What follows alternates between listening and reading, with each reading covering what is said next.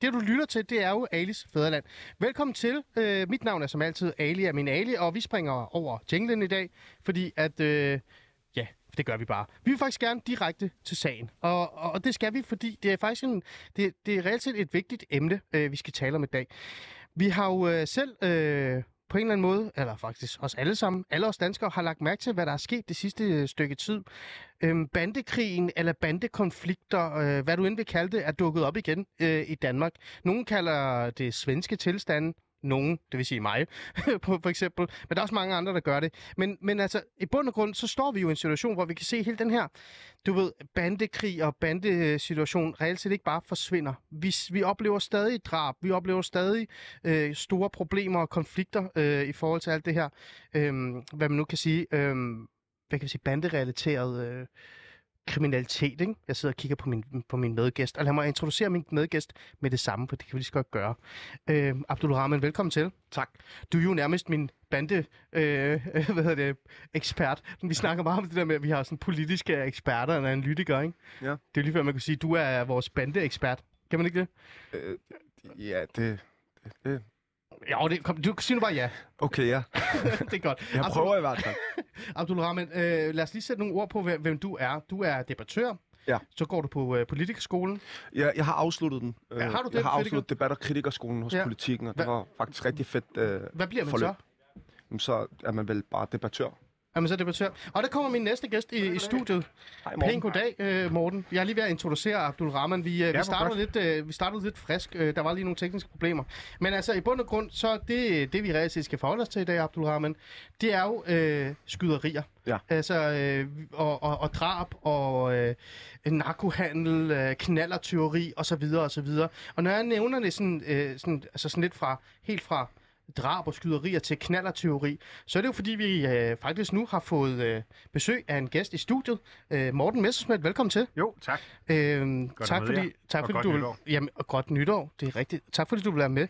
Øh, Morten, du har jo øh, faktisk øh, kommet med et, et interessant forslag i forhold til det her med, at at vi bare må acceptere, at i, i fædrelandet, der er det blevet helt normalt for os at forholde os til øh, bandeskuderier og banderelateret kriminalitet osv. osv. Det er jo nærmest blevet en del af vores hverdag, Morten. Jeg er jo ikke stolt over at sige det. Det tror jeg heller ikke, du Nej, er. det tror jeg ikke, der er nogen, der er. Nej, men det er jo sådan, øh, det er blevet til, og, øh, og, og, og vi har jo talt i lang tid om, hvad kan vi gøre? Altså, hvad kan vi gøre i forhold til det her meget voldsomme øh, øh, øh, altså, øh, fænomen, kan man nærmest mm. sige, med den her lidt, øh, man kan jo sige, øh, mennesker, som er anderledes end dem, vi kender til normalt, altså kriminelle. Det her, det er jo Absolut. hardcore kriminelle, som ja. Har besluttet sig for, at det her, det er en del af deres levevej, det er det, de vil, Ja. øh, og det, det bakker de ikke tilbage omkring. Øhm, Ja, de yeah. er jo nærmest i en, tror jeg, et parallelt univers, altså hvor det eneste, der optager dem, det er de der konflikter øh, mellem Præcis. forskellige bander og grupperinger, ikke? og hvor Præcis. det handler om at komme ind og få forskellige øh, illegale øh, handelsmarkeder. Og det, som jeg forstår, det er, at nu er der også en ny øh, gruppering, øh, der er som nok er somalisk orienteret fra, øh, fra Skåne, øh, som er begyndt at, at Ja. ja. til Danmark, og det er den konflikt, der har både i forhold til, til voldsanvendelse øh, eskaleret, men jo også i forhold til incidenter, altså tilfælde, hvor, hvor, hvor, ja, hvor der bliver skudt, eller ja, hvor der kommer de her meget voldsomme voldsudbrud. Mm. Nemlig. Så, øh, så her sidder vi. Morten Messerschmidt, øh, folketingsmedlem for Dansk Folkeparti, øh, næstformand på nuværende tidspunkt, Ja. Og øh, potentielt, du er vel øh, formand kandidat, Ja, i hvert fald kandidat, ja, I det er virkeligheden. rigtigt. og øh, Abdul Rahman øh, Mustafa, min, min såkaldte øh, bandeekspert. Det, det er så positivt sagt. Det er ikke fordi, jeg siger, at du øh, ved meget om bander, men du er sådan en, man øh, reelt set lytter til og forholder sig til, hvis man skal tale om den del ja. Af underverden, kan man Ja. sige. Er det ikke rigtigt? Jeg har i hvert fald gjort mig en del observationer som en del af miljøet. Præcis. Og du har også selv været en del af det på et tidspunkt, men det ja. har du forladt. Ja, nemlig. heldigvis. Og, øh, og, og jeg har besluttet mig for, at vi skal på en eller anden måde øh, jamen, forholde os til nogle konkrete løsninger. Og øh, med de ord, så tænker jeg, lad os prøve at fremlægge en af løsningerne. Løsningen, som virkelig har vækket en interesse, øh, i hvert fald i mig, Morten Messerschmidt. Du har jo reelt set sagt, ved du hvad, vi har talt om det her i rigtig lang tid.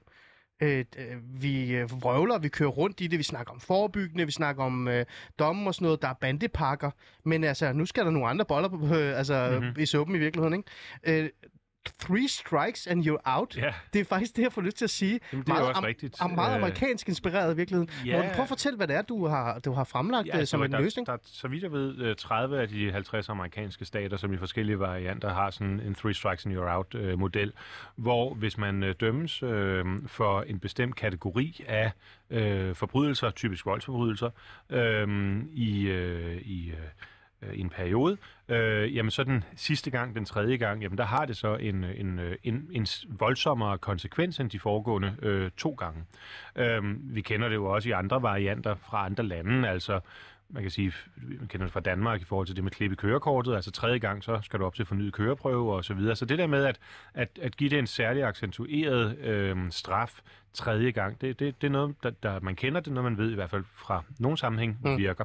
Og der har jeg foreslået den idé, at øh, tredje gang man så dømmes for et, øh, et kriminelt forhold i en, i, i, i en bandesammenhæng, øhm, at det så skal have den øh, konsekvens, at man får, øh, får fængsel på livstid. Ja. Og det er jo så i Danmark altså typisk sådan, at når man får livstidsfængsel, så kan man prøveløslades efter 12 år, medmindre man har opført sig fuldstændig balstyrisk i fængslet. Ja, øh, ja, max 16, ikke? Jo, altså Er det ikke øh, eller hvad? 16 år er, er, den, er det maksimale. Du, altså over 16 år, så er det, så er det livstid. Ja, Men præcis. forskellen er, at øh, på 16 år, der kan du søge om prøveløsladelse før, hvorimod livstid kan du først søge det på 12 år. Okay, det er sådan der. Morten, jeg skal bare være sådan helt skarp, fordi jeg, jeg er jo reelt set øh, lidt... Øh, det er jo et holdningsbordet program, det her, så jeg kan sige, hvad jeg vil. jeg, er jo, øh, jeg er jo nysgerrig i forhold til det her. Øh, jeg er jo, øh, jeg tror i 16, der var, da der var virkelig den her bandekrig mellem LTF mm. og resten af verden, kan man nærmest sige. Ikke? Det Jo, sådan, jo. de forholdt sig til det. Øh, der begyndte jeg jo at snakke om, at, at de her mennesker, det, altså, der, vi, giver, vi giver chancer, men der er også nogen, vi ikke burde give flere chancer til. Og den her form for three strikes you out er noget, vi reelt set burde forholde os til. Men jeg bliver også nødt til sådan at snakke med dig om det, fordi at det- der, på det tidspunkt, der var jeg også sådan lidt selv søgende eller reflekterende i forhold til, hvor lavt skal vi så gå, altså før det er one strike. Mm. Har du gjort dig nogle tanker omkring, altså er det over helt ned til, som jeg nævner, knallertyveri øh, i banderelaterede hensigter, Ja, eller, eller hvad tænker du? Altså det er klart, hvis man tre gange stjæler en knallert i banderelateret øh, sammenhæng, så Mm. kan det selvfølgelig virke voldsomt at skulle livstid i fængsel. Det tænker jeg det, lidt. Det vil jeg godt medgive. Og nu er du også selv jurist, øh, så jeg tænker og, lidt. Men, men man kan jo vælge at tilgå sådan en idé her fra to veje. Enten så kan man vælge at sige, skal vi nu finde nogle eksempler, som øh, illustrerer, hvorfor det her det er bare kukuk, Ja. eller skal vi rent faktisk prøve at se på, hvad det er for nogle tilfælde, vi har derude? Og det er jo altså overtrædelse af våbenlovgivningen, af voldsparagraferne og den slags ting. Og det er selvfølgelig den Okay. slags, som jeg har i, øh, i, øh, i, i sigte. Men, og det synes jeg er et vigtigt men, min tilgang til strafsystemet er jo ikke, at vi kan gøre de her, nu er der så et enkelt undtagelse i studiet, øh, men at man kan øh, i udgangspunktet resocialisere og gøre, gøre folk til engle, og samfundet har den opgave osv. Ja. Jeg synes, det primære forhold øh, og formål, når vi når vi øh, taler om den her slags øh, kriminalitet, må være at sige, hvordan får vi folk væk fra gaden. Mm. Og der vil det i hvert fald have en effekt i en, øh, i en 12-årig periode. Abdul Rahman, øh, Mustafa, øh, så er det jo interessant at få dig ind. Øh, Ja. øh, lad mig lige for, først og fremmest lige spørge dig i forhold til three strikes and you out. Øh, hvad synes du om, øh, om det generelt? Jamen, altså generelt er jo modellen, er modellen jo meget kritiseret. Ikke kun i øh, USA, men faktisk, øh, sådan som jeg ved, så har man faktisk simpelthen valgt at gå væk fra den i New Zealand her sidste måned i Ja. ja. november 2021. Men nu, nu, nu er vi jo i fædrelandet, ikke? Jeg er sådan rigtig provokerende, når det kommer til Ja, sådan noget det er der. jeg, okay. jeg er sådan, ved du hvad, jeg er faktisk lidt ligeglad med, hvad der sker i andre ude af lande, og jeg synes heller ikke, vi kan sammenligne os overhovedet med USA. De har nogle meget voldsomme øh, øh, straffesystemer, og også fængselssystemer. Men det er jo den det, vi gør her, når vi kigger mod Nej, USA. når nej, Morten, fordi- han kigger jo efter USA, ja, når han men, kommer med det her men forslag. nu skal du lytte til, hvad jeg siger, fordi at det, det, det jeg reelt set spørger dig om, det er, hvad synes du om three strikes you're out? Det betyder jo ikke, at der er ikke, altså, alle de andre forebyggende tiltag, alt det andet socialt arbejde og alt det, det findes jo stadig. Mm. Det er jo fordi, vi fjerner det, og så siger vi fra nu af, hver gang du har fået tre øh, domme, Nej, så nej, skal du er jeg fængsel. helt med på. Så ideen om, at hvis du begår organiseret kriminalitet, øh, banderelateret kriminalitet, og efter tredje omgang, så får du at vide, kære ven, så skal du ind og sidde, og husk på, øh, livstid i Danmark er jo ikke livstid. Nej. Du kan stadig teknisk set få lov til at komme ud, ikke? Ja, men Så man kan synes- også godt risikere at sidde 48 eller 60 års fængsel. Det kan man også godt. Man kan altid risikere noget i livet. Ja. Ja. Det, det, det, er derfor, jeg drikker faktisk Men free. okay, fint. Så hvad tænker du om den idé? Du vil ikke, du vil ikke sammenligne øh, med andre lande. Jeg synes alligevel, vi skal komme ind på det på et andet det kan vi gøre tidspunkt. senere. Men Ja. helt konkret, så er det meget vigtigt lige at understrege, jeg anfægter ikke hårdere straffe. Jeg synes faktisk, Nej, for du er lidt fan af det, jeg synes, ved jeg, du er. Jamen, jeg synes faktisk, at vi har absurd lave straffe i forhold til personfarlig kriminalitet kontra berigelseskriminalitet. Det vil sige, bliver du taget med 200 gram kokain, så får du to-tre års ubetinget fængsel, men hvis du voldtager en kvinde eller to, så kan du risikere at få et år eller halvanden. Mm. Jeg synes, det er meget absurd, når man øh, sætter dem op over for hinanden. Øhm, og det er det samme med drab, 16 års fængsel. Jeg synes, og det syntes jeg også dengang jeg var bandemedlem, at det var øh, meget lavt. Så jeg er fan af hårde straffe. Mm. Jeg siger bare, det kan ikke stå alene. Det er den ene ting. Man skal have de resocialiserende øh, aspekter med ind over os. Nu ja. siger I så, at det er ikke noget, I vil have ud, og det er jeg Det kan vi rigtig finde ud af, det kan vi spørge Morten Ja, ja, det, er, rigtigt, Ja, men, men, men jeg, jeg det, forstod lige... jeg på ham lige før, at han Nej, sagde, det er at ikke- det, det- det vil det han gerne ikke have. forslaget. Og det er jeg rigtig glad for. Det vil jeg også rose. Så, men det, jeg gerne vil have, at man, man er nødt til at kigge på, mm. det er, at ting kommer ikke gratis. Og jo mere du forøger straffene, desto hårdere, altså jo hårdere straffe, jo hårdere kriminelle.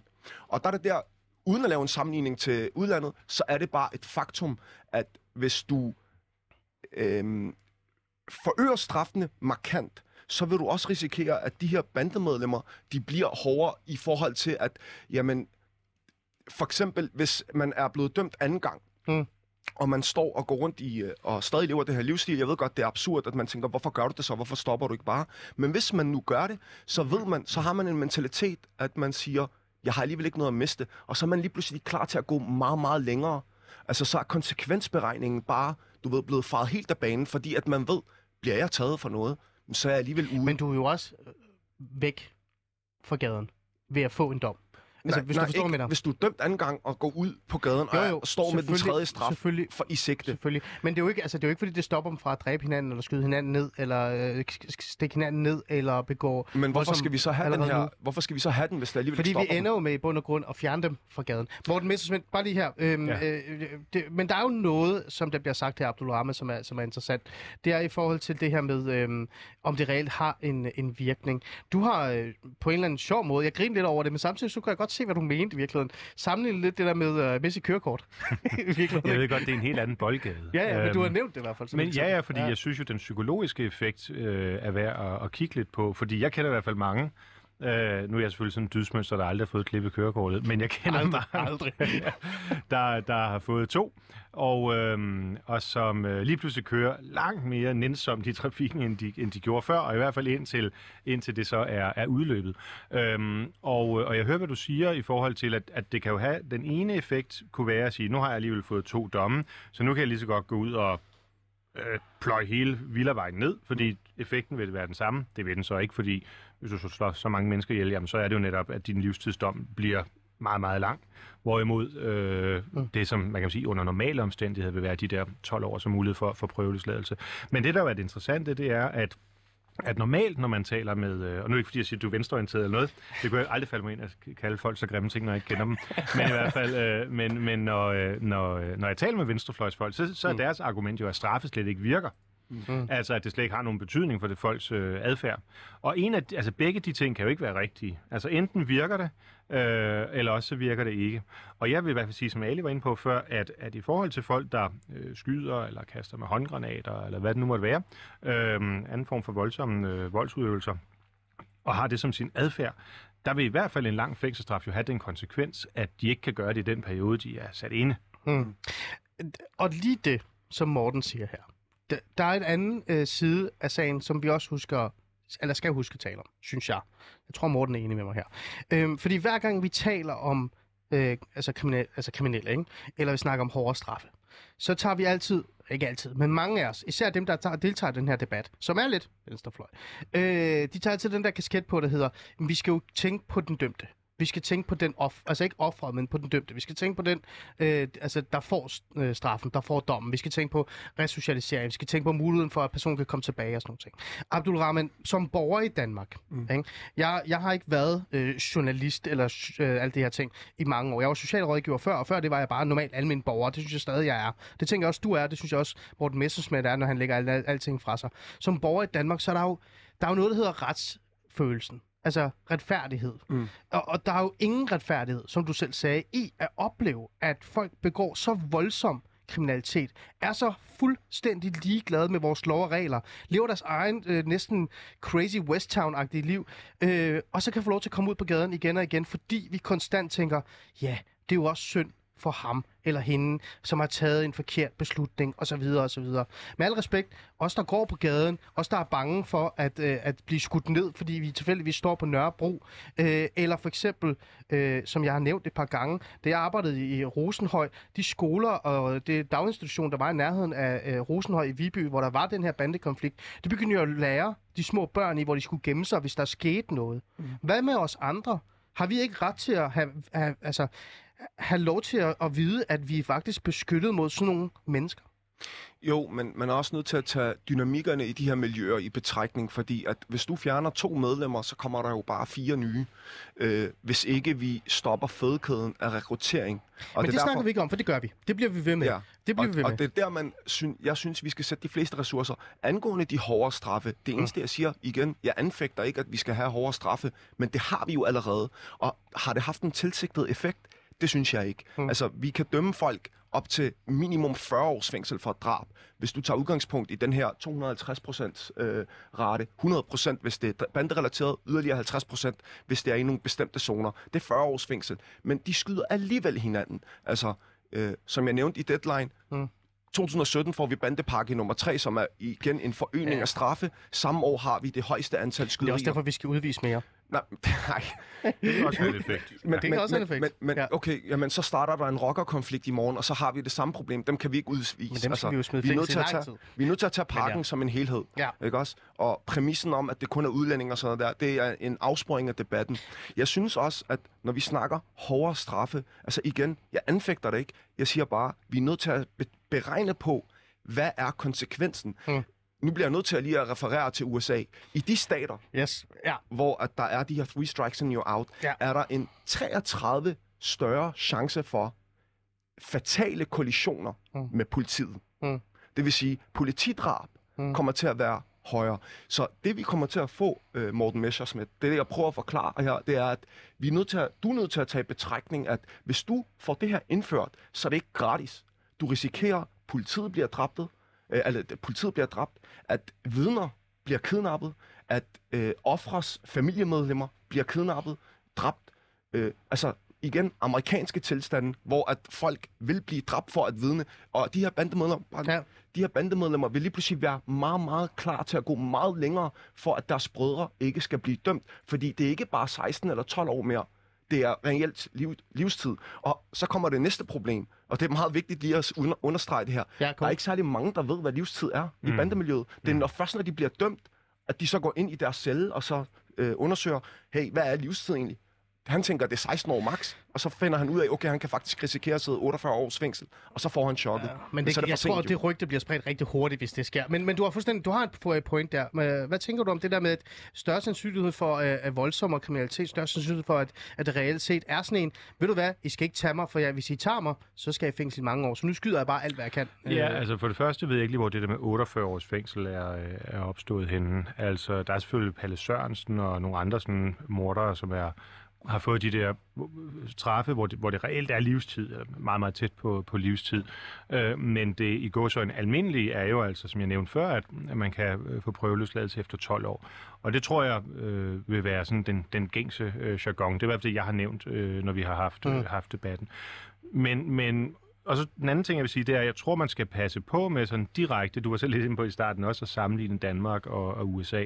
Altså, der er jo en anden øh, brutalitet i det amerikanske samfund, gælder i øvrigt også, tror jeg ikke, man fornærmer nogen ved at sige, fra politiets side. Altså det har vi jo set eksempler på, mm. oprullet både ved domstolene og i, og i medierne igennem de seneste år. Så derfor at sige, at øh, får man hårdere straffe i Danmark, jamen så vil vi få amerikanske tilstand. Det, det, det, det, jeg tror, det er mere kompliceret end som så. Og så det tredje, jeg bare vil nævne, det er, at jeg hørte dig bare for 10 minutter siden sidde og sige, at du sådan set var tilhænger af hårdere straffe. Og du nævnte også nogle konkrete sager, altså ved voldtægt og ved øh, drab og forskellige. Men og, og så, så er jeg ikke helt sikker på, at jeg forstår, hvad det er, du siger. Fordi hvis du siger, at på den ene side, at hårdere straffe er godt, så er vi jo enige så langt. Men hvis du på den anden side siger, at hårdere straffe bare fører til mere vold og konflikter og amerikanske tilstande, det er ikke godt, så må jeg indrømme, så er en lille smule forvirret. Jamen, det er igen... Øh for at komme ind på det der med amerikanske tilstand, jeg er overbevist om, at grunden til, at man er mere brutal fra politiets og bandernes øh, side af i Amerika, det er netop på grund af, at der er de her hårde straffe. Øh, der er så meget at miste, at man er klar til at gå så meget længere. Og i og med, at bandemedlemmerne skyder efter politiet, så bliver politiet også mere indstillet på, hey, vi er reelt i livsfare, så vi kommer også til at opleve faktisk politidrab, altså mm. hvor politiet kommer til at skyde uskyldige, som vi ser i Amerika.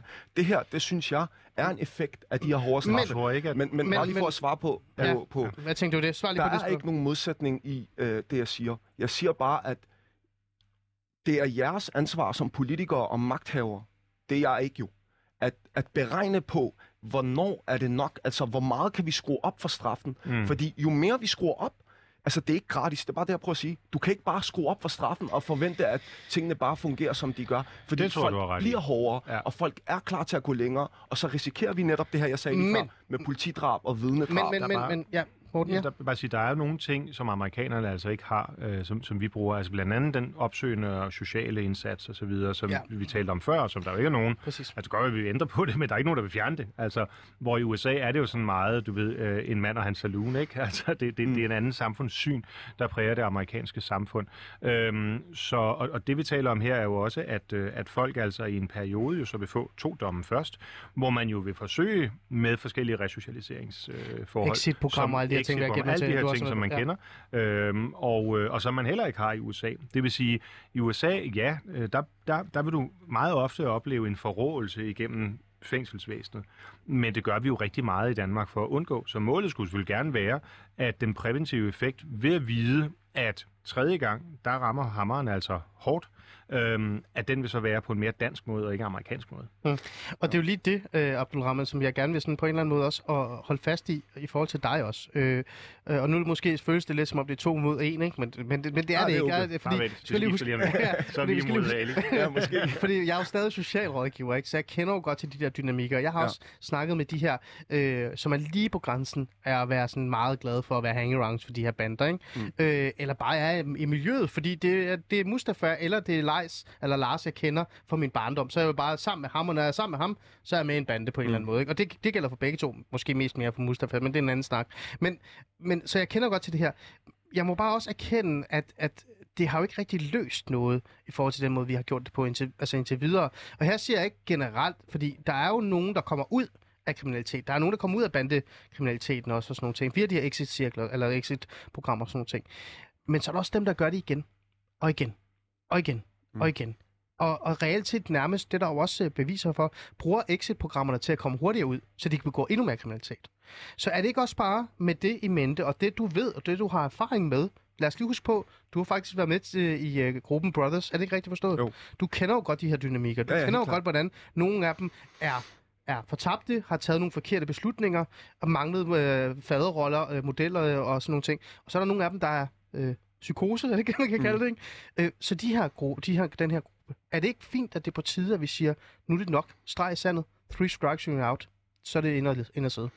Ja, altså, jeg, jeg er lidt uenig i forhold til, at det ikke virker, øh, det præventive, fordi at hvis du sammenligner de tal, vi har i dag af banderelaterede mennesker, altså registrerede bande- og Ja, men rockermedlemmer. den her gruppe, Abdulrahman, hold fast i, hvad jeg prøver at Ja, sige ja, til jeg dig. Jeg snakker om den her gruppe, den her, hvad kan vi sige, 2% Jamen, jeg, jeg kommer gruppe, til 1% det. gruppe. Jeg kommer til det. Ja. Hvis du bare sammenligner tallet for 10 år siden, dengang jeg var meget aktiv i bandemiljøet, med i dag, så har vi faktisk 500 færre registrerede bandemedlemmer og rockermedlemmer. Så det præventive, det virker. Men så mange er også i fængsel, ikke? Nej, fordi de er jo stadig registrerede bandemedlemmer. Ja, så. men, men altså, de er også på vej ud. Hvis du er på vej ud, så er du ikke rigtig registreret. Det er rigtigt, men samtidig ja. så vil rekrutteringsfødekæden jo gøre sådan, at der vil Jo, jo, komme flere det til. er bare lige, man skal også nuancere tallene. det er bare for at være irriterende. Men yes, yes, jamen, det samlede tal er jo, at der er ikke så mange, der indtræder i bandemiljøet i dag, som der er for 10 år siden. Og det er jo en god ting. Mm. Øh, så kan man kigge på, okay, de hårde straffe, har de virket? Det har de ikke, fordi mm. når vi kigger på det her med den tredje bandepakke, så har vi den højeste antal øh, af banderelaterede skyderier Jeg i venter stadig 2017. på, på svaret. Ja, jeg kommer til det. Må jeg få... Øh, jeg stiller dig et spørgsmål. Den her gruppe så. Ja. Jamen, det er det, jeg prøver at sige. Hvad så med dem? Det har jeg også sagt i mit interview til Politiken og i Deadline. Ja. Du kan ikke redde de her mennesker. Nej. Det er min soleklare opfattelse. Når først de er gamle nok til at tage et aktivt valg, så er det slut. De er kun dem selv, altså det enkelte individ, der kan beslutte sig for, jeg vil ud af det her. Ja. Hverken hårdere straffe, hverken politi, resocialiseringsarbejde, gadeplansmedarbejdere, intet vil hjælpe. Nej. Det er den enkelte, der skal tage den Men det er jo der, vi skal ind og beskytte, ikke samfundet. Ja. Borgeren. Okay, det er Mennesket. fint. Så fjerner du dem. Problemet er bare, så kommer der bare nogle nye. Det er de dynamikker, jeg snakker om. Nej, flere vi kan ikke blive ved med at smide folk i fængsel. Vi er nødt til at undgå, at de, fordi jo mere vi smider folk Ja. i fængsel, desto okay. mere kriminalitet har vi. Det er jo det, vi helst vil undgå. Ja, Morten. Ja, altså, nej, altså jeg vil komme dig i møde derhen og sige, at der er jo, altså, der er jo en variation af forskellige øh, typer i det her bandemiljø. Øh, ja. Helt åbenlyst. Øhm, og øh, for at vende tilbage til med knallert-tyveriet, det er klart, det er nok ikke der, man skal sige, okay, så er det 12, øh, 12 år øh, uden, uden familieomstændigheder. omstændigheder. Men netop den der gruppe, om det så er to eller fem, eller hvor mange procent øh, det er i, øh, i toppen, det er jo også dem, der i vidt omfang gør, at det fungerer for alle de andre, tænker jeg. Altså, det er jo dem, der formodentlig styrer den enkelte gruppe og planlægger, hvor er det så, man skal angribe og hvad man skal gøre. Ikke? Altså at få dem væk fra, fra gaden, har jeg svært ved at se noget argument imod. Øhm, og øhm, det der jo, tror jeg, sker i dag ofte, det er jo, at de prøver måske at skubbe nogen foran, så hvis de har fået nogle domme og ved godt næste gang, jamen, så rammer allerede efter de nugældende øh, øh, pakker, Ja. så rammer øh, ham, hammeren hårdt. Der vil det jo være hjælpsomt, hvis så også bare en lille forseelse at de bliver taget med noget hash eller andet narko eller et eller andet, så rent faktisk har den der konsekvens, fordi det vil gøre det meget svært for dem overhovedet at, at have den rolle i de der miljøer. Det er i hvert fald det, der er, er min, øh, min tanke. Mm. Så jeg vil komme dig i møde og sige, at målet her er jo ikke, at den, der øh, øh, står ude på øh, Christiania øh, og sælger 50 gram hash øh, tre gange i sit liv, og så bare er virkelig uheldig alle tre gange, øh, skal livstid i fængsel. Målet her er jo netop at få dem, der skaber uro ved vold og øh, angreb og tyverier og røverier osv., som vi har oplevet en eskalering af, jo ikke bare fra de danske bander, men nu også fra svensker, der kommer til Danmark, at få dem ind bag trammer, hvor de ikke kan lave skade. Den periode, de i hvert fald er der. Mm.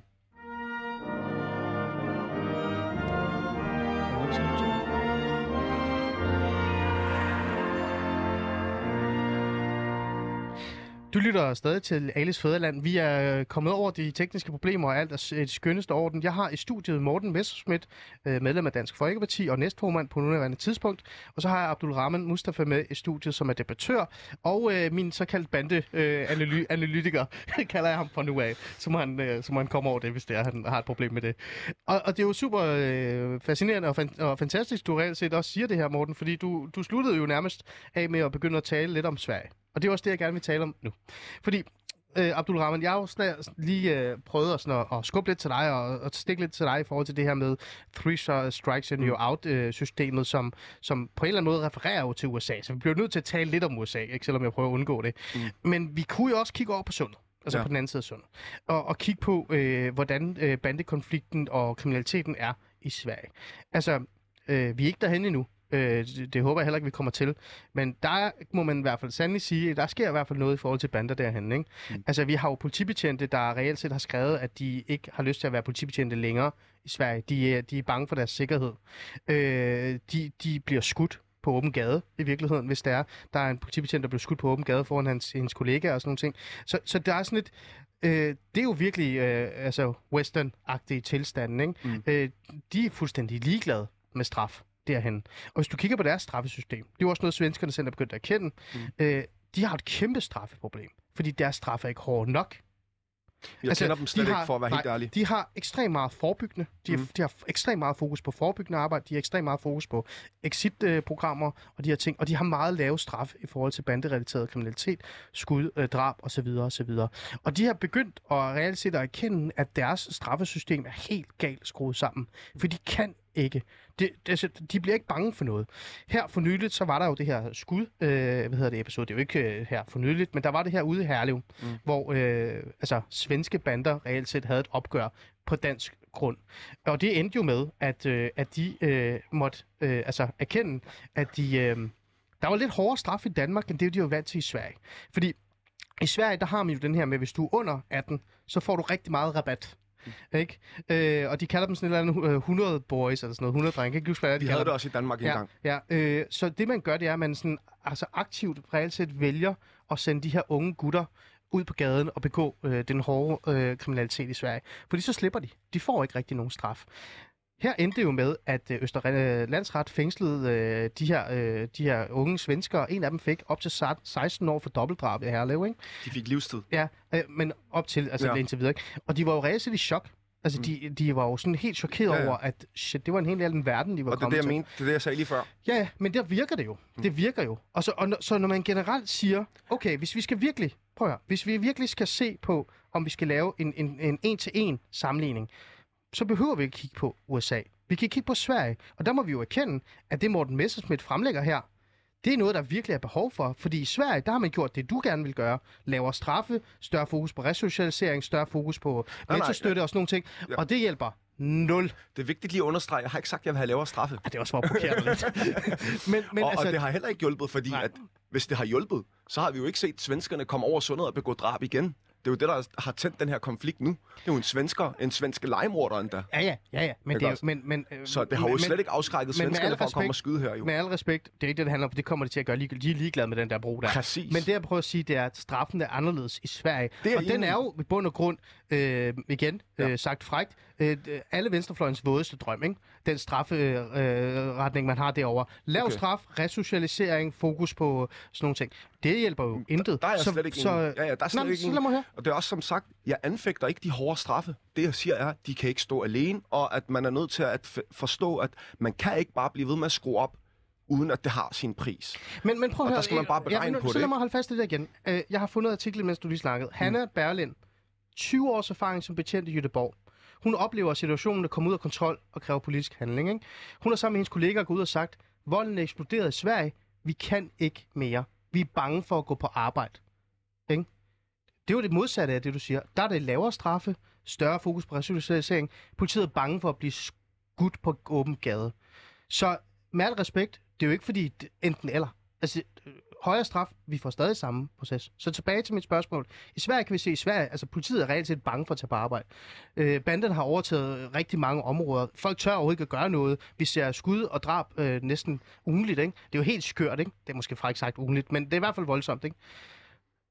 Hårdere straf. Morten Messerschmidt fremlægger et rimelig godt øh, eksempel på en mulighed for at sige, nu gør vi noget her over for det her, så vi ikke ender i den her situation. Hvis vi tager udgangspunkt i den konflikt, du nævnte lige før, øh, med, dra- med tredobbeltdrab, eller dobbeltdrabet i Herlev, Ja. øhm, så har man jo øh, fanget mange af dem, og de er jo stadig i fængsel. Så uanset om de har fået hårde straffe eller ej, altså, de er jo, I de, Danmark. de er jo inde og sidde jo. I Danmark. Ja, dem, der har siddet... I Altså, Sverige havde de nok ikke. Jamen, de er jo blevet taget dem i Sverige. Ja. Øh, det jeg prøver at sige er, at den hårdere straf, altså om de havde fået hårdere straf i Sverige, om de havde fået livstid derhen, det havde stadig ikke ændret på, at de mennesker, altså når folk ryger ind og sidder for et drab, Mm. er der sket jo 11 eller 12 drab i den enkelte konflikt, du nævner, mm. mellem dødspatruljen og Shotters. Ja. Øh, og der er det bare der igen, jeg siger, jamen, når der er en, der ryger ind og sidde, så er det jo pisse ligegyldigt, om han ryger ind og sidde i 20 eller 40 år, fordi der vil altid være en anden en til at tage hans plads, og så begå et endnu- en yderligere drab. Så derfor så er det også Men vigtigt at ideen sætte... om, at de er mindre kriminelle og Jeg mindre ikke- voldelige, bare også- fordi der er lavere straf. Det er vigtigt det kan jo se at- i Sverige, den holder jo Det er jo lige vigtigt at understrege for mig også, at jeg kender ikke Sveriges præventive øh, øh, øh, arbejde, og jeg kender heller ikke deres straffesystem. Mm. Øhm, så Morten gør. Ja. Morten, Nej, nej, nej, nej, det var faktisk Ja, for at komme det i møde, fordi det her er jo enormt svært, når vi sidder og taler om andre lande. Mm. Altså, jeg, jeg, jeg har jo heller, altså, jeg har aldrig dyrket det amerikanske retssystem heller, eller du selv Nej, nej, nej, nævnte også uh, New Zealand og så videre, ikke? Og, så det bliver jo sådan lidt nogle krusninger på overfladen, men det er, jeg tænker øh, sådan lidt om, om debatten både her og, og generelt, det er, at der er jo ligesom to hensyn. Altså det ene, det er at sige, øh, kan vi fra samfundets side gøre noget for, at folk de bliver mindre kriminelle? Mm. Og det kan man jo helt åbenlyst. Øhm, men der tror jeg, man må sige, der er en eller anden form for øh, omvendt proportionalitet, hvor, hvor hvis man er meget langt nede, tænker jeg, i de der bander, så er det måske nemmere at få folk ud. Altså hvis man lige er i begyndelsen, Ja, og man har klart. lige fået nogle venner, der har fået en ind, og sådan nogle ting. Man er, man er lige i begyndelsen af sit, sit kriminelle levebane. Hvorimod, når du kommer helt op i, i toppen, øh, så er det meget, meget svært. Men det er det ene hensyn, hensynet til, til gerningsmændene. Det andet hensyn, det er, jo, det er jo til samfundet, kan man sige. Og der, øhm, altså nu, det kan jeg huske helt tilbage fra, at jeg læste jura, altså øh, det fyldte rigtig meget på universiteterne, det der med, hvad kan vi gøre for at resocialisere folk og få dem til at blive gode samfundsborgere osv. Men jeg synes jo også, når man, når man har at gøre med, med forbrydelser, der skaber en voldsom utryghed, ikke kun iblandt de grupper, som gør det imod hinanden, men jo også i samfundet som et hele, så tjener det jo også formål at sige, men kan vi få dem her væk fra gaden? Og jeg hører godt dit argument, og forstår det også godt, tror jeg, at, at når man kom, altså, hugger man hovedet af, af slangen, ligesom på Medusa, så vokser der bare en ny frem. Mm. Men der må være en eller anden form for, for grænse. Altså, der må være, øh, hvis vi får, får sat dem, der leder nogle af de her bander, forhåbentlig alle sammen, hvis vi får sat dem i spjældet, i skal vi sige i hvert fald et perspektiv på 12 år, øh, så må det trods alt føre til en destabilisering. Og det må også føre til en eller anden form for tænkning længere nede i gelederne om, hvor højt oppe i det her hierarki har man lyst til at komme. Fordi hvis man ved, at, at det altså er toppen, der, der ryger op i, øh, i fængsel, uanset hvad de, bliver, hvad de bliver taget for inden for bandekriminalitet, når det er tredje gang, så kan det jo godt være, at incitamentet, når man er ledig i fødekæden, bliver mindre til at sige, det er den vej, jeg bare vil gå.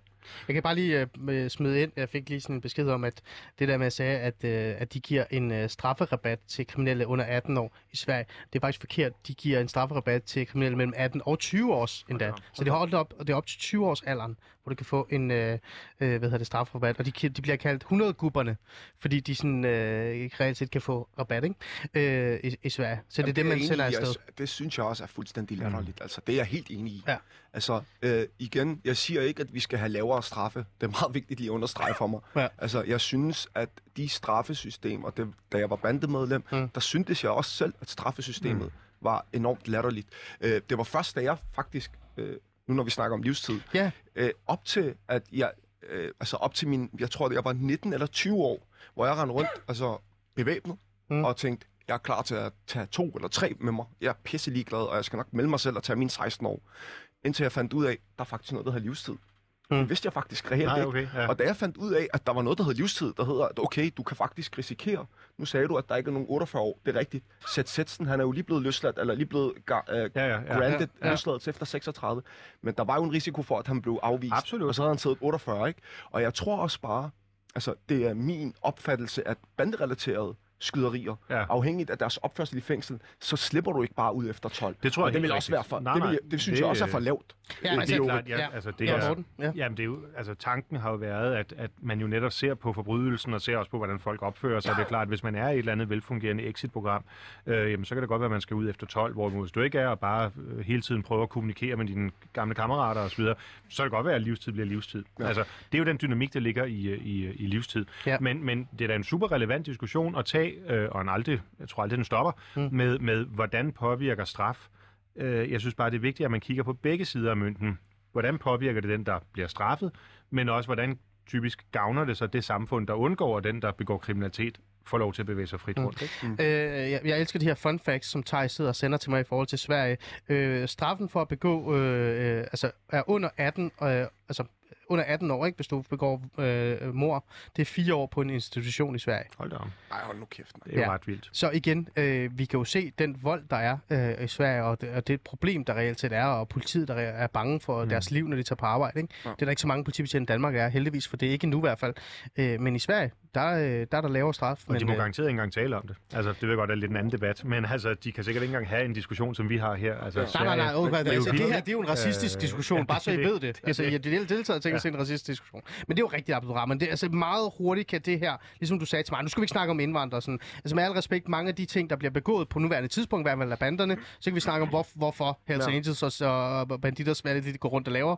Øh, det er jo øh, indvandrerbander. Det kan man jo godt decideret direkte sige, som begår øh, drab, vold øh, og, og voldsomt øh, organiseret kriminalitet. Så det bliver jo nødt til at være en del af samtalen. Det er også derfor, jeg sagde, Øh, altså, Ja, ja, helt øh, hvad hedder det, hjemsendelser er og burde være reelt set en vigtig del i, i, i straffen. I Der er ikke nogen tvivl om, at i, i de miljøer, hvor at størstedelen af minoritetsetniske øh, øh, medlemmer af banderne, at der, det har en effekt. Altså, der er, det er en faktor, at de rent faktisk er minoritetsindvandrere, mm. altså Mm. minoritetsborgere. Mm. Det har en effekt.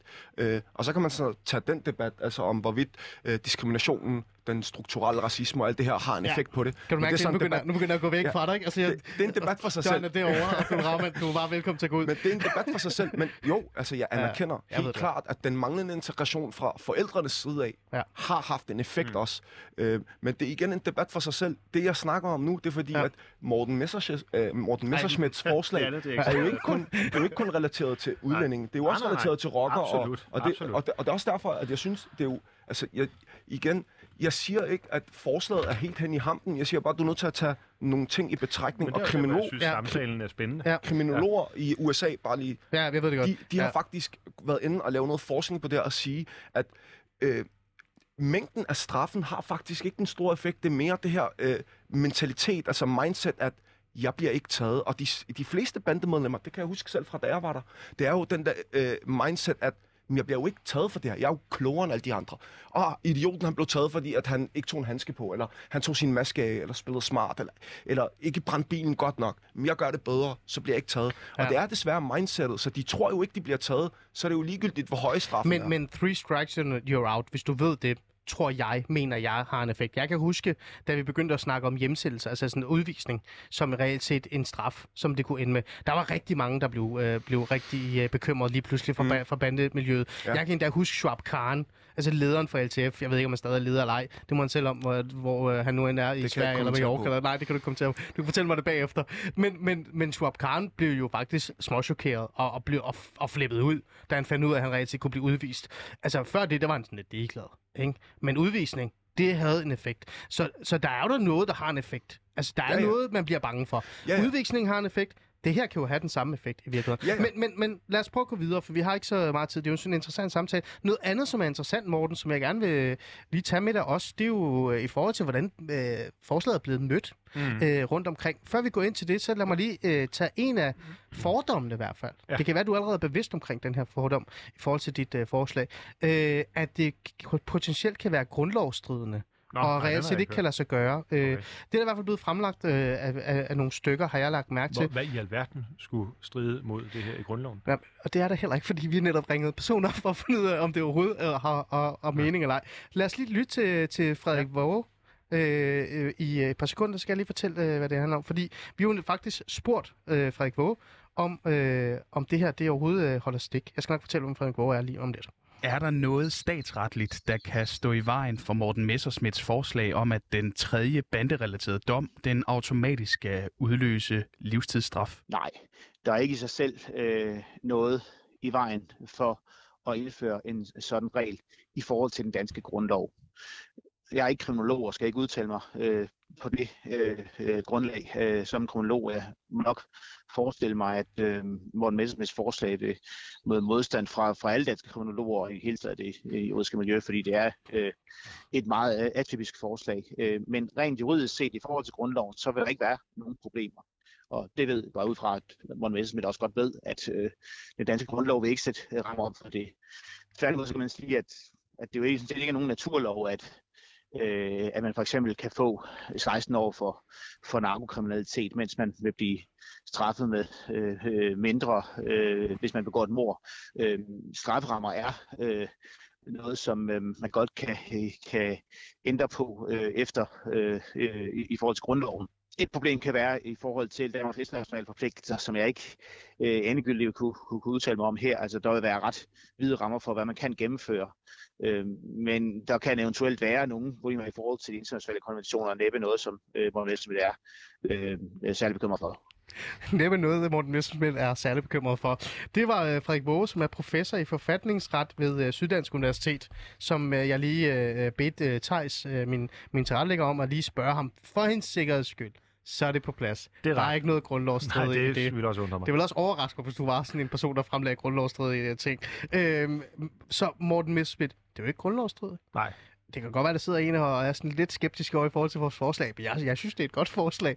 Øhm, jamen, jeg hvordan, synes er det blevet, hvordan er det blevet modtaget? Det dårligere. Altså, jeg, jamen, det, som vi har diskuteret her, er ja. ikke hverken ubegavet eller, Nej, eller med dårlige hensigter. Altså, det, det, er jo faktisk rigtig gode input, ja, der er kommet. Så... Men hvordan er det så blevet modtaget af Jamen, jeg vil sige relativt for, forventeligt. Hvad, hvad betyder det? I den forstand, at altså, forsvarsadvokaterne, de er imod. Ja, okay. øhm, og, og, og, big surprise. Ja, det, det overrasker mig ikke. Og så, øh, og så har de forskellige kriminologer, som også våge er inde på, øhm, de er også imod. Og det er jo fordi, de er meget optaget selvfølgelig af det, der hedder det individuelle præventive hensyn. Altså gør det her, altså for at sige det meget firkantet, gør det her folk til bedre mennesker. Og det gør det jo muligvis ikke. Det er jo alle de andre initiativer, der skal gøre det. Til gengæld vil jeg sige, at jeg har fået meget positiv øh, modtagelse fra fra folk, hvis man bruger det udtryk, sådan folk på gaden. Altså folk, der rent faktisk er bekymrede for, kommer den her bandekonflikt ud af, af, af kontrol? Eskalerer det? Øh, vil der flyde flere og flere våben og forskellige andre ubehagelige ting over sundet, og gøre, at vi så ikke tør at sende vores børn øh, øh, ned i fritidsklubben alene, men vi kører dem? Og, altså, altså det her er noget, der påvirker folks tryghed. Og der, der oplever jeg, at der er mange, der der siger, at det er en god idé, så er det godt være, at, at modellen skal fintunes. Altså, det, det er jeg jo helt ja. med på. Det er jo derfor, den her samtale er så fin. Mm. Øhm, apropos tre knaller der. Altså, ja, ja, præcis. Men, men, men selve grundideen om at sige, at dem, der er leder de her bander, og dem, der øh, organiserer dem og muliggør, at konflikterne derfor også kan være der, hvis vi kan få dem væk fra gaden, så er jeg ærligt talt lidt ligeglad med, om, om de har det bedre i deres egen sjæl. Altså, så, så må det handle om, at de kommer væk fra gaden. Øhm, øh, nu sagde du, at kriminologerne var ikke så tilfredse, det er big surprise. Og jeg tænker, at konventionerne er der også en lille smule... Ja, Jamen, jeg er ikke helt sikker på, hvad det skulle være for konventioner. Øhm, altså, den, den, internationale forpligtelser Jo, i forhold altså, til måske både- menneskerettigheder, ja, eller altså, ja, den sådan noget eneste den konvention, vi er bundet af, altså i bred forstand, som Ja. for eksempel USA, New Zealand osv. er bundet af, det vil jo så være den europæiske menneskerettighedskonvention. Og der har man jo artikel 6 om retfærdig rettergang, og det er vel den, som der så prim... Ja, så har du artikel 3 mod tortur, så skulle man fortolke det som Ja, tortur. Altså, Ja, Mm, Altså, det er meget vidtgående, hvis man skal derhen. Men altså, det, øh, som Frederik Våge er inde på, nu, nu, øh, nu er det jo nok ikke nødvendigvis øh, den her konvention, der holder mig øh, vågen om natten. Jeg synes, vi skal ud af den af mange andre årsager. Øhm, men det må vi jo så tage. Det er, en, det er en samtale, vi nok skal, Ja. ja. vi nok skal tage. Og jeg er glad for, at I roser mit program. Det er altid dejligt. Ja, men det er er, skidegodt. det er godt. Det er Bliv ved, bliv ved med at rose det. Også dig, Abdul Rahman, rose det. men, men, øh, øh, og så bliver jeg jo så bare mere nysgerrig, fordi, øh, jamen, som sagt, konventionerne, kriminologerne og, og sikkert også socialrådgiverne, de sidder der og, og synes, jeg skal skamme mig over, at jeg overhovedet har den her debat. I virkeligheden, det skulle ikke undre mig. Øh, hvad med politikerne? Hvad med dine øh, kollegaer? Lad os starte med øh, den borgerlige side. De burde jo, med al respekt, sige, Morten Messerschmidt, fremragende idé, sæt i gang. Ja, ja, altså, øh, jo, øh, måske lidt med nogle andre øh, ord. Nå, Øhm, okay, Jeg tror, ja. det har været sådan lidt, at, at man er enige om, at der skal slås hårdere ned, og det må vi finde nogle øh, modeller for. Øh, Jeg tror, det er sådan, hvis, hvis man skal sige det sådan bredt, ikke? Okay. Og, og, og egentlig også sådan, jeg har hørt det fra Socialdemokratiet. Og så er det klart, at så er den, den øvrige øh, venstrefløj jo sådan lidt mere på kriminologernes og, og øh, Præcis. konventionernes Ja, side. og det, det Men jeg få tror mig også, til det at... handler om, ja. at, at forslaget ikke er finpudset i Mm. Morten. Altså, jeg tror, det handler om, at øh, som du nu nævner her, så siger du, jamen, at stjæling knaller ikke skal være inkluderet. Men sådan som forslaget blev øh, mødt, altså da jeg så dit forslag i TV2, der forstod jeg det som, at selv et vagtværn, altså en, der bare står og holder vagt for en anden en, der sælger hash, at han kunne risikere at få det, ikke? Jeg tror måske, det er det, folk er gået på bagben over. Igen, altså, jeg er ikke jurist. Jeg forstår ikke øh, så meget på det her. Jeg siger bare, at det er vigtigt at forstå, at man kan ikke skrue op for de her straffe, uden at man får altså en... Altså, en, altså man kan ikke lave en, reaktion, en, en aktion uden Men at få en så, så reaktion. der vil jeg gerne holde fast i dig her i forhold til det her. Det er jo ikke fordi, jeg siger, nu skal du repræsentere venstrefløjen overhovedet. Men du er jo Nej, sådan jeg en... repræsenterer ingen fløj. Nej, det er nemlig det, jeg siger. øh, det er derfor, jeg er også sådan skarp og sagde, det er ikke fordi, du repræsenterer venstrefløjen. Men venstrefløjen er, øh, og den del af, side af, af, hvad hedder det, af politikken i hvert fald, men også den der tilgang til, hvordan man arbejder med kriminelle, især den her, den her gruppe, øh, de er jo ikke, altså de er overhovedet ikke glade for, hvad der bliver sagt i dag. Heller ikke det der med lidt hårdere straffe i bund og grund. Så hvordan kan man overtale dem til at altså sådan altid indse, vi bliver nødt til at tænke hårdere straf som en del af det, men så selvfølgelig finpusten, så holde fast i det andet. Er det, som du selv siger, øh, måske sætte sig ned og virkelig, virkelig pointere over for dem, at resocialisering er stadig et tema, øh, mentorstøtte, alle de her ting er stadig en mulighed, du ryger ikke ind øh, efter tre knaller der, øh, men så stadig holde fast i, at, øh, at hårde straffe er Spørgsmålet det er om straffen ikke er hård nok i forvejen. Altså fordi, at igen, som jeg nævnte før, du kan jo få 40 år for et, øh, for et banderelateret drab, og det er jo i sig selv hårdt. Ikke også? Du kan få, men der er virkelig ikke mange. Altså, det er jo altså, meget, meget, ja, meget, men meget, altså, meget, meget. Altså, det kommer ikke til at ske. Jamen, jamen, så er det jo der, at man er nødt til at presse domstolene til rent faktisk at få det gennemført. Men det er jo Øh, også så- det, der så- ligger i Men det er jo også det, vi lægger er- op til her. Nej, fordi det er noget helt nyt, vi kommer med nu. Det er livstid. Altså, den, Ah, den, så den, du vil holde fast i den måde, vi gør det på De nu, men så skrue nu, op i alderne? Altså, Spørgsmålet er, at de bandepakker, vi har nu, har de overhovedet virket? Ikke også? Og, Mm. og er det ikke bare vigtigt at sige, okay, nu har vi øh, fået indført de her pakker, lad os få øh, arbejdet hen imod, at jamen, har det den tilsigtede effekt? Men lad mig og så spørge arbejde så. hen imod Lad det mig, lad resocialisering. mig komme- spørge dig kort, så, for så får- kommer Morten, fordi han, vil pop, han havde lige en finger op. Men, øhm, så hvis jeg nu foreslog, at vi kigger på, øh, hvordan tingene ser ud lige nu, ikke? Og så kigger på for eksempel 16 år er en, en mulighed, så siger vi 30 år. Mm. I stedet for at lave det om, i stedet for at sige three strikes you out, vi, vi løfter det bare. Altså, jeg, jeg, er ikke, jeg er ikke advokat, øh, jurist, det kan godt vi har en i studiet, men at man går hen og siger, ved du hvad, vi laver en ekstra tilføjelse til den her paragraf, som siger, hvis du har gjort det her, så sætter du, iværksætter du den her, aktiverer du den her form, og så ryger du op til 30 år. Men det har man jo allerede. Altså, man har jo den her øh, dobbeltstraf for Mm, banderelateret okay. drab. Så hvis du får 16 år, og det er banderelateret, så er det dobbelt op. Det er, Men så er det minimum. Så, så ryk Jamen, minimum op. 16 år plus øh, 16 år, fordi at det er banderelateret, det er 32 år. Øh, hvis du så også gør det på Nørrebro, der er jo de her zone, så i, Ja. i jævnfør den sidste bandepakke, jamen, så er det yderligere 50 Så procent. du er faktisk bare tilfreds, som det er? Jeg siger ikke, at jeg er tilfreds eller utilfreds. det jeg siger er, at hvis du kigger på hvis man kigger på min fortid, Ja. de drenge, der var med mig dengang øh, Brothers blev stiftet, øh, de fleste af dem er der ikke mere. Altså, det er virkelig minimalt, hvor mange der er tilbage, og det er det samme, der gør sig gældende de fleste steder i landet. At øh, for 10 år siden var der nogle hardcore bandemedlemmer, de enten ender sidde, eller er blevet udvist, eller er trukket sig. De fleste af dem har faktisk bare trukket sig. hvem er det så i dag, hvis jeg må Så, spørge? men, det er det, der er kommer de problemet. Dem, der kommer i dag, det er de nye. Ikke også? Det er den her rekrutteringskæde, vi er nødt til at sætte mere fokus på. Mm. Så det- straffen er i sig selv. Jeg siger ikke, at Men de skal ændre skal på jo være der. De er der. Men det de er er der, hvor- du kan få 40 års fængsel for drab. Lad os så sætte fast, øh, øh, lad os sætte ind der, hvor fedkæden er, og så stoppe rekrutterings... Øh, Morten? Men det er jo der, det er jo der hvor mit forslag, øh, jeg synes, det, det faktisk har sin berettigelse. Fordi hvis folk kommer ind der i starten og får måske to domme for et eller andet, øh, nu, den der skide knaller, vi har talt om, eller øh, holde vagt, eller hvad ved jeg, ikke? at de så ved, at næste gang, hvis de så begår et eller andet voldsommere, jamen så har det den meget voldsomme konsekvens, og så får du livstid, og det er altså i udgangspunktet 12 år. Mm. Øhm, det, det, det, det, er der, jeg gerne vil hen. Altså, og det er jo egentlig ikke for at moderere det op, det var bare, fordi jeg synes, det der med at lave et eksempel, hvor man siger tre sådan fuldstændig, altså helt ned i den minikategorien, det er måske ikke det, der skal udløse øh, øh, livstidsstraffen, men netop for at sige, jamen den pakke, eller den bagage, du bærer med dig, når du vælger at gå ind i øh, en bande og begå kriminalitet der, jamen det har altså en konsekvens.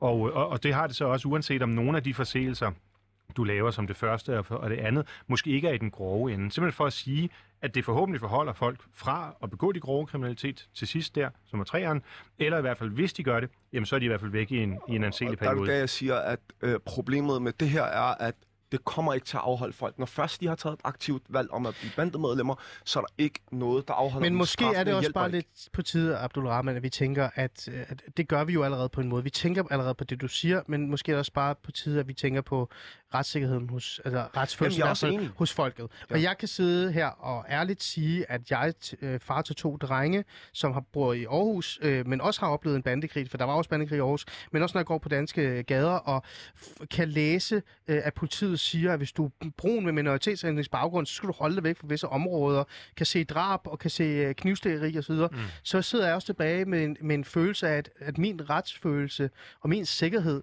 bliver ikke, altså den, den er ikke i fokus. Det er mere personen, der har udført dem. Så måske er det også bare på tide, at vi reelt set også lige stopper op og siger, hvor er øh, retssikkerheden og retsfølelsen hos folket? Det er i hvert fald noget, Morten Messerschmidt øh, fremlægger her. Mm. Øhm, men de ord, så tænker jeg bare, at øh, vi har da haft en god samtale. Har vi ikke det? Det har da været, det har håber, været interessant. Det sidste. Ja. Altså en af, jamen det er det overhovedet ikke. En af de ting, som jeg lige kan smide ind nu, og det er sådan lidt øh, irriterende at sige, det er, en af de andre grunde til, Morten, det, at jeg synes, det her det er interessant, det er fordi, at øh, som Abdul Rahman siger, lige nu, der er der jo ikke de vildeste bandekonflikter og sådan noget. Der er lidt, men det er sådan nogle små personlige problemstillinger, der dukker op, og så sker der noget. Men jeg ved også godt med, fra mine kilder og andre kilder, at, at øh, HA er ved at opruste, Bandidos er ved at opruste, og jeg har sådan en idé om, at det her, det ekskalerer, altså det eksploderer lige om lidt, fordi mm. der er nogle af de her gamle grupper, som øh, har holdt sig stille, men er blevet lidt træt af, øh, af alt den her ballade, der er, og de har faktisk øh, mistet deres øh, jeg tror ikke, de føler det selv, men de har måske mistet øh, deres øh, rangering i den øh, rangeringsliste, de nu har i det kriminelle miljø. Så, øh, så derfor så tænker jeg, at det her, det er vigtigt, at vi re- reelt set forholder os til, vi skal have bandepakkerne, vi skal have pakkerne på plads, Mm. så vi ikke står i en situation, hvor tampen brænder, det hele eksploderer, og så begynder vi at lave bandepakker, som i bund og grund måske ikke rigtig har den rigtige effekt eller ej. Så er det sagt. Med de ord, Morten øh, Messerschmidt, tak fordi du ville komme Jamen, det var en fornøjelse. og være og med at vide øh, i dag. dig. Tak. Og, øh, Øh, og jeg tænker, øh, vi skal jo følge op på det her, om det Ja. ja. reelt set bliver til noget, ikke? Jeg Jo, glæder mig altså, til at vi høre, kommer hvad til at fremsætte et forslag i Folketinget her i det nye år. Okay. Ja.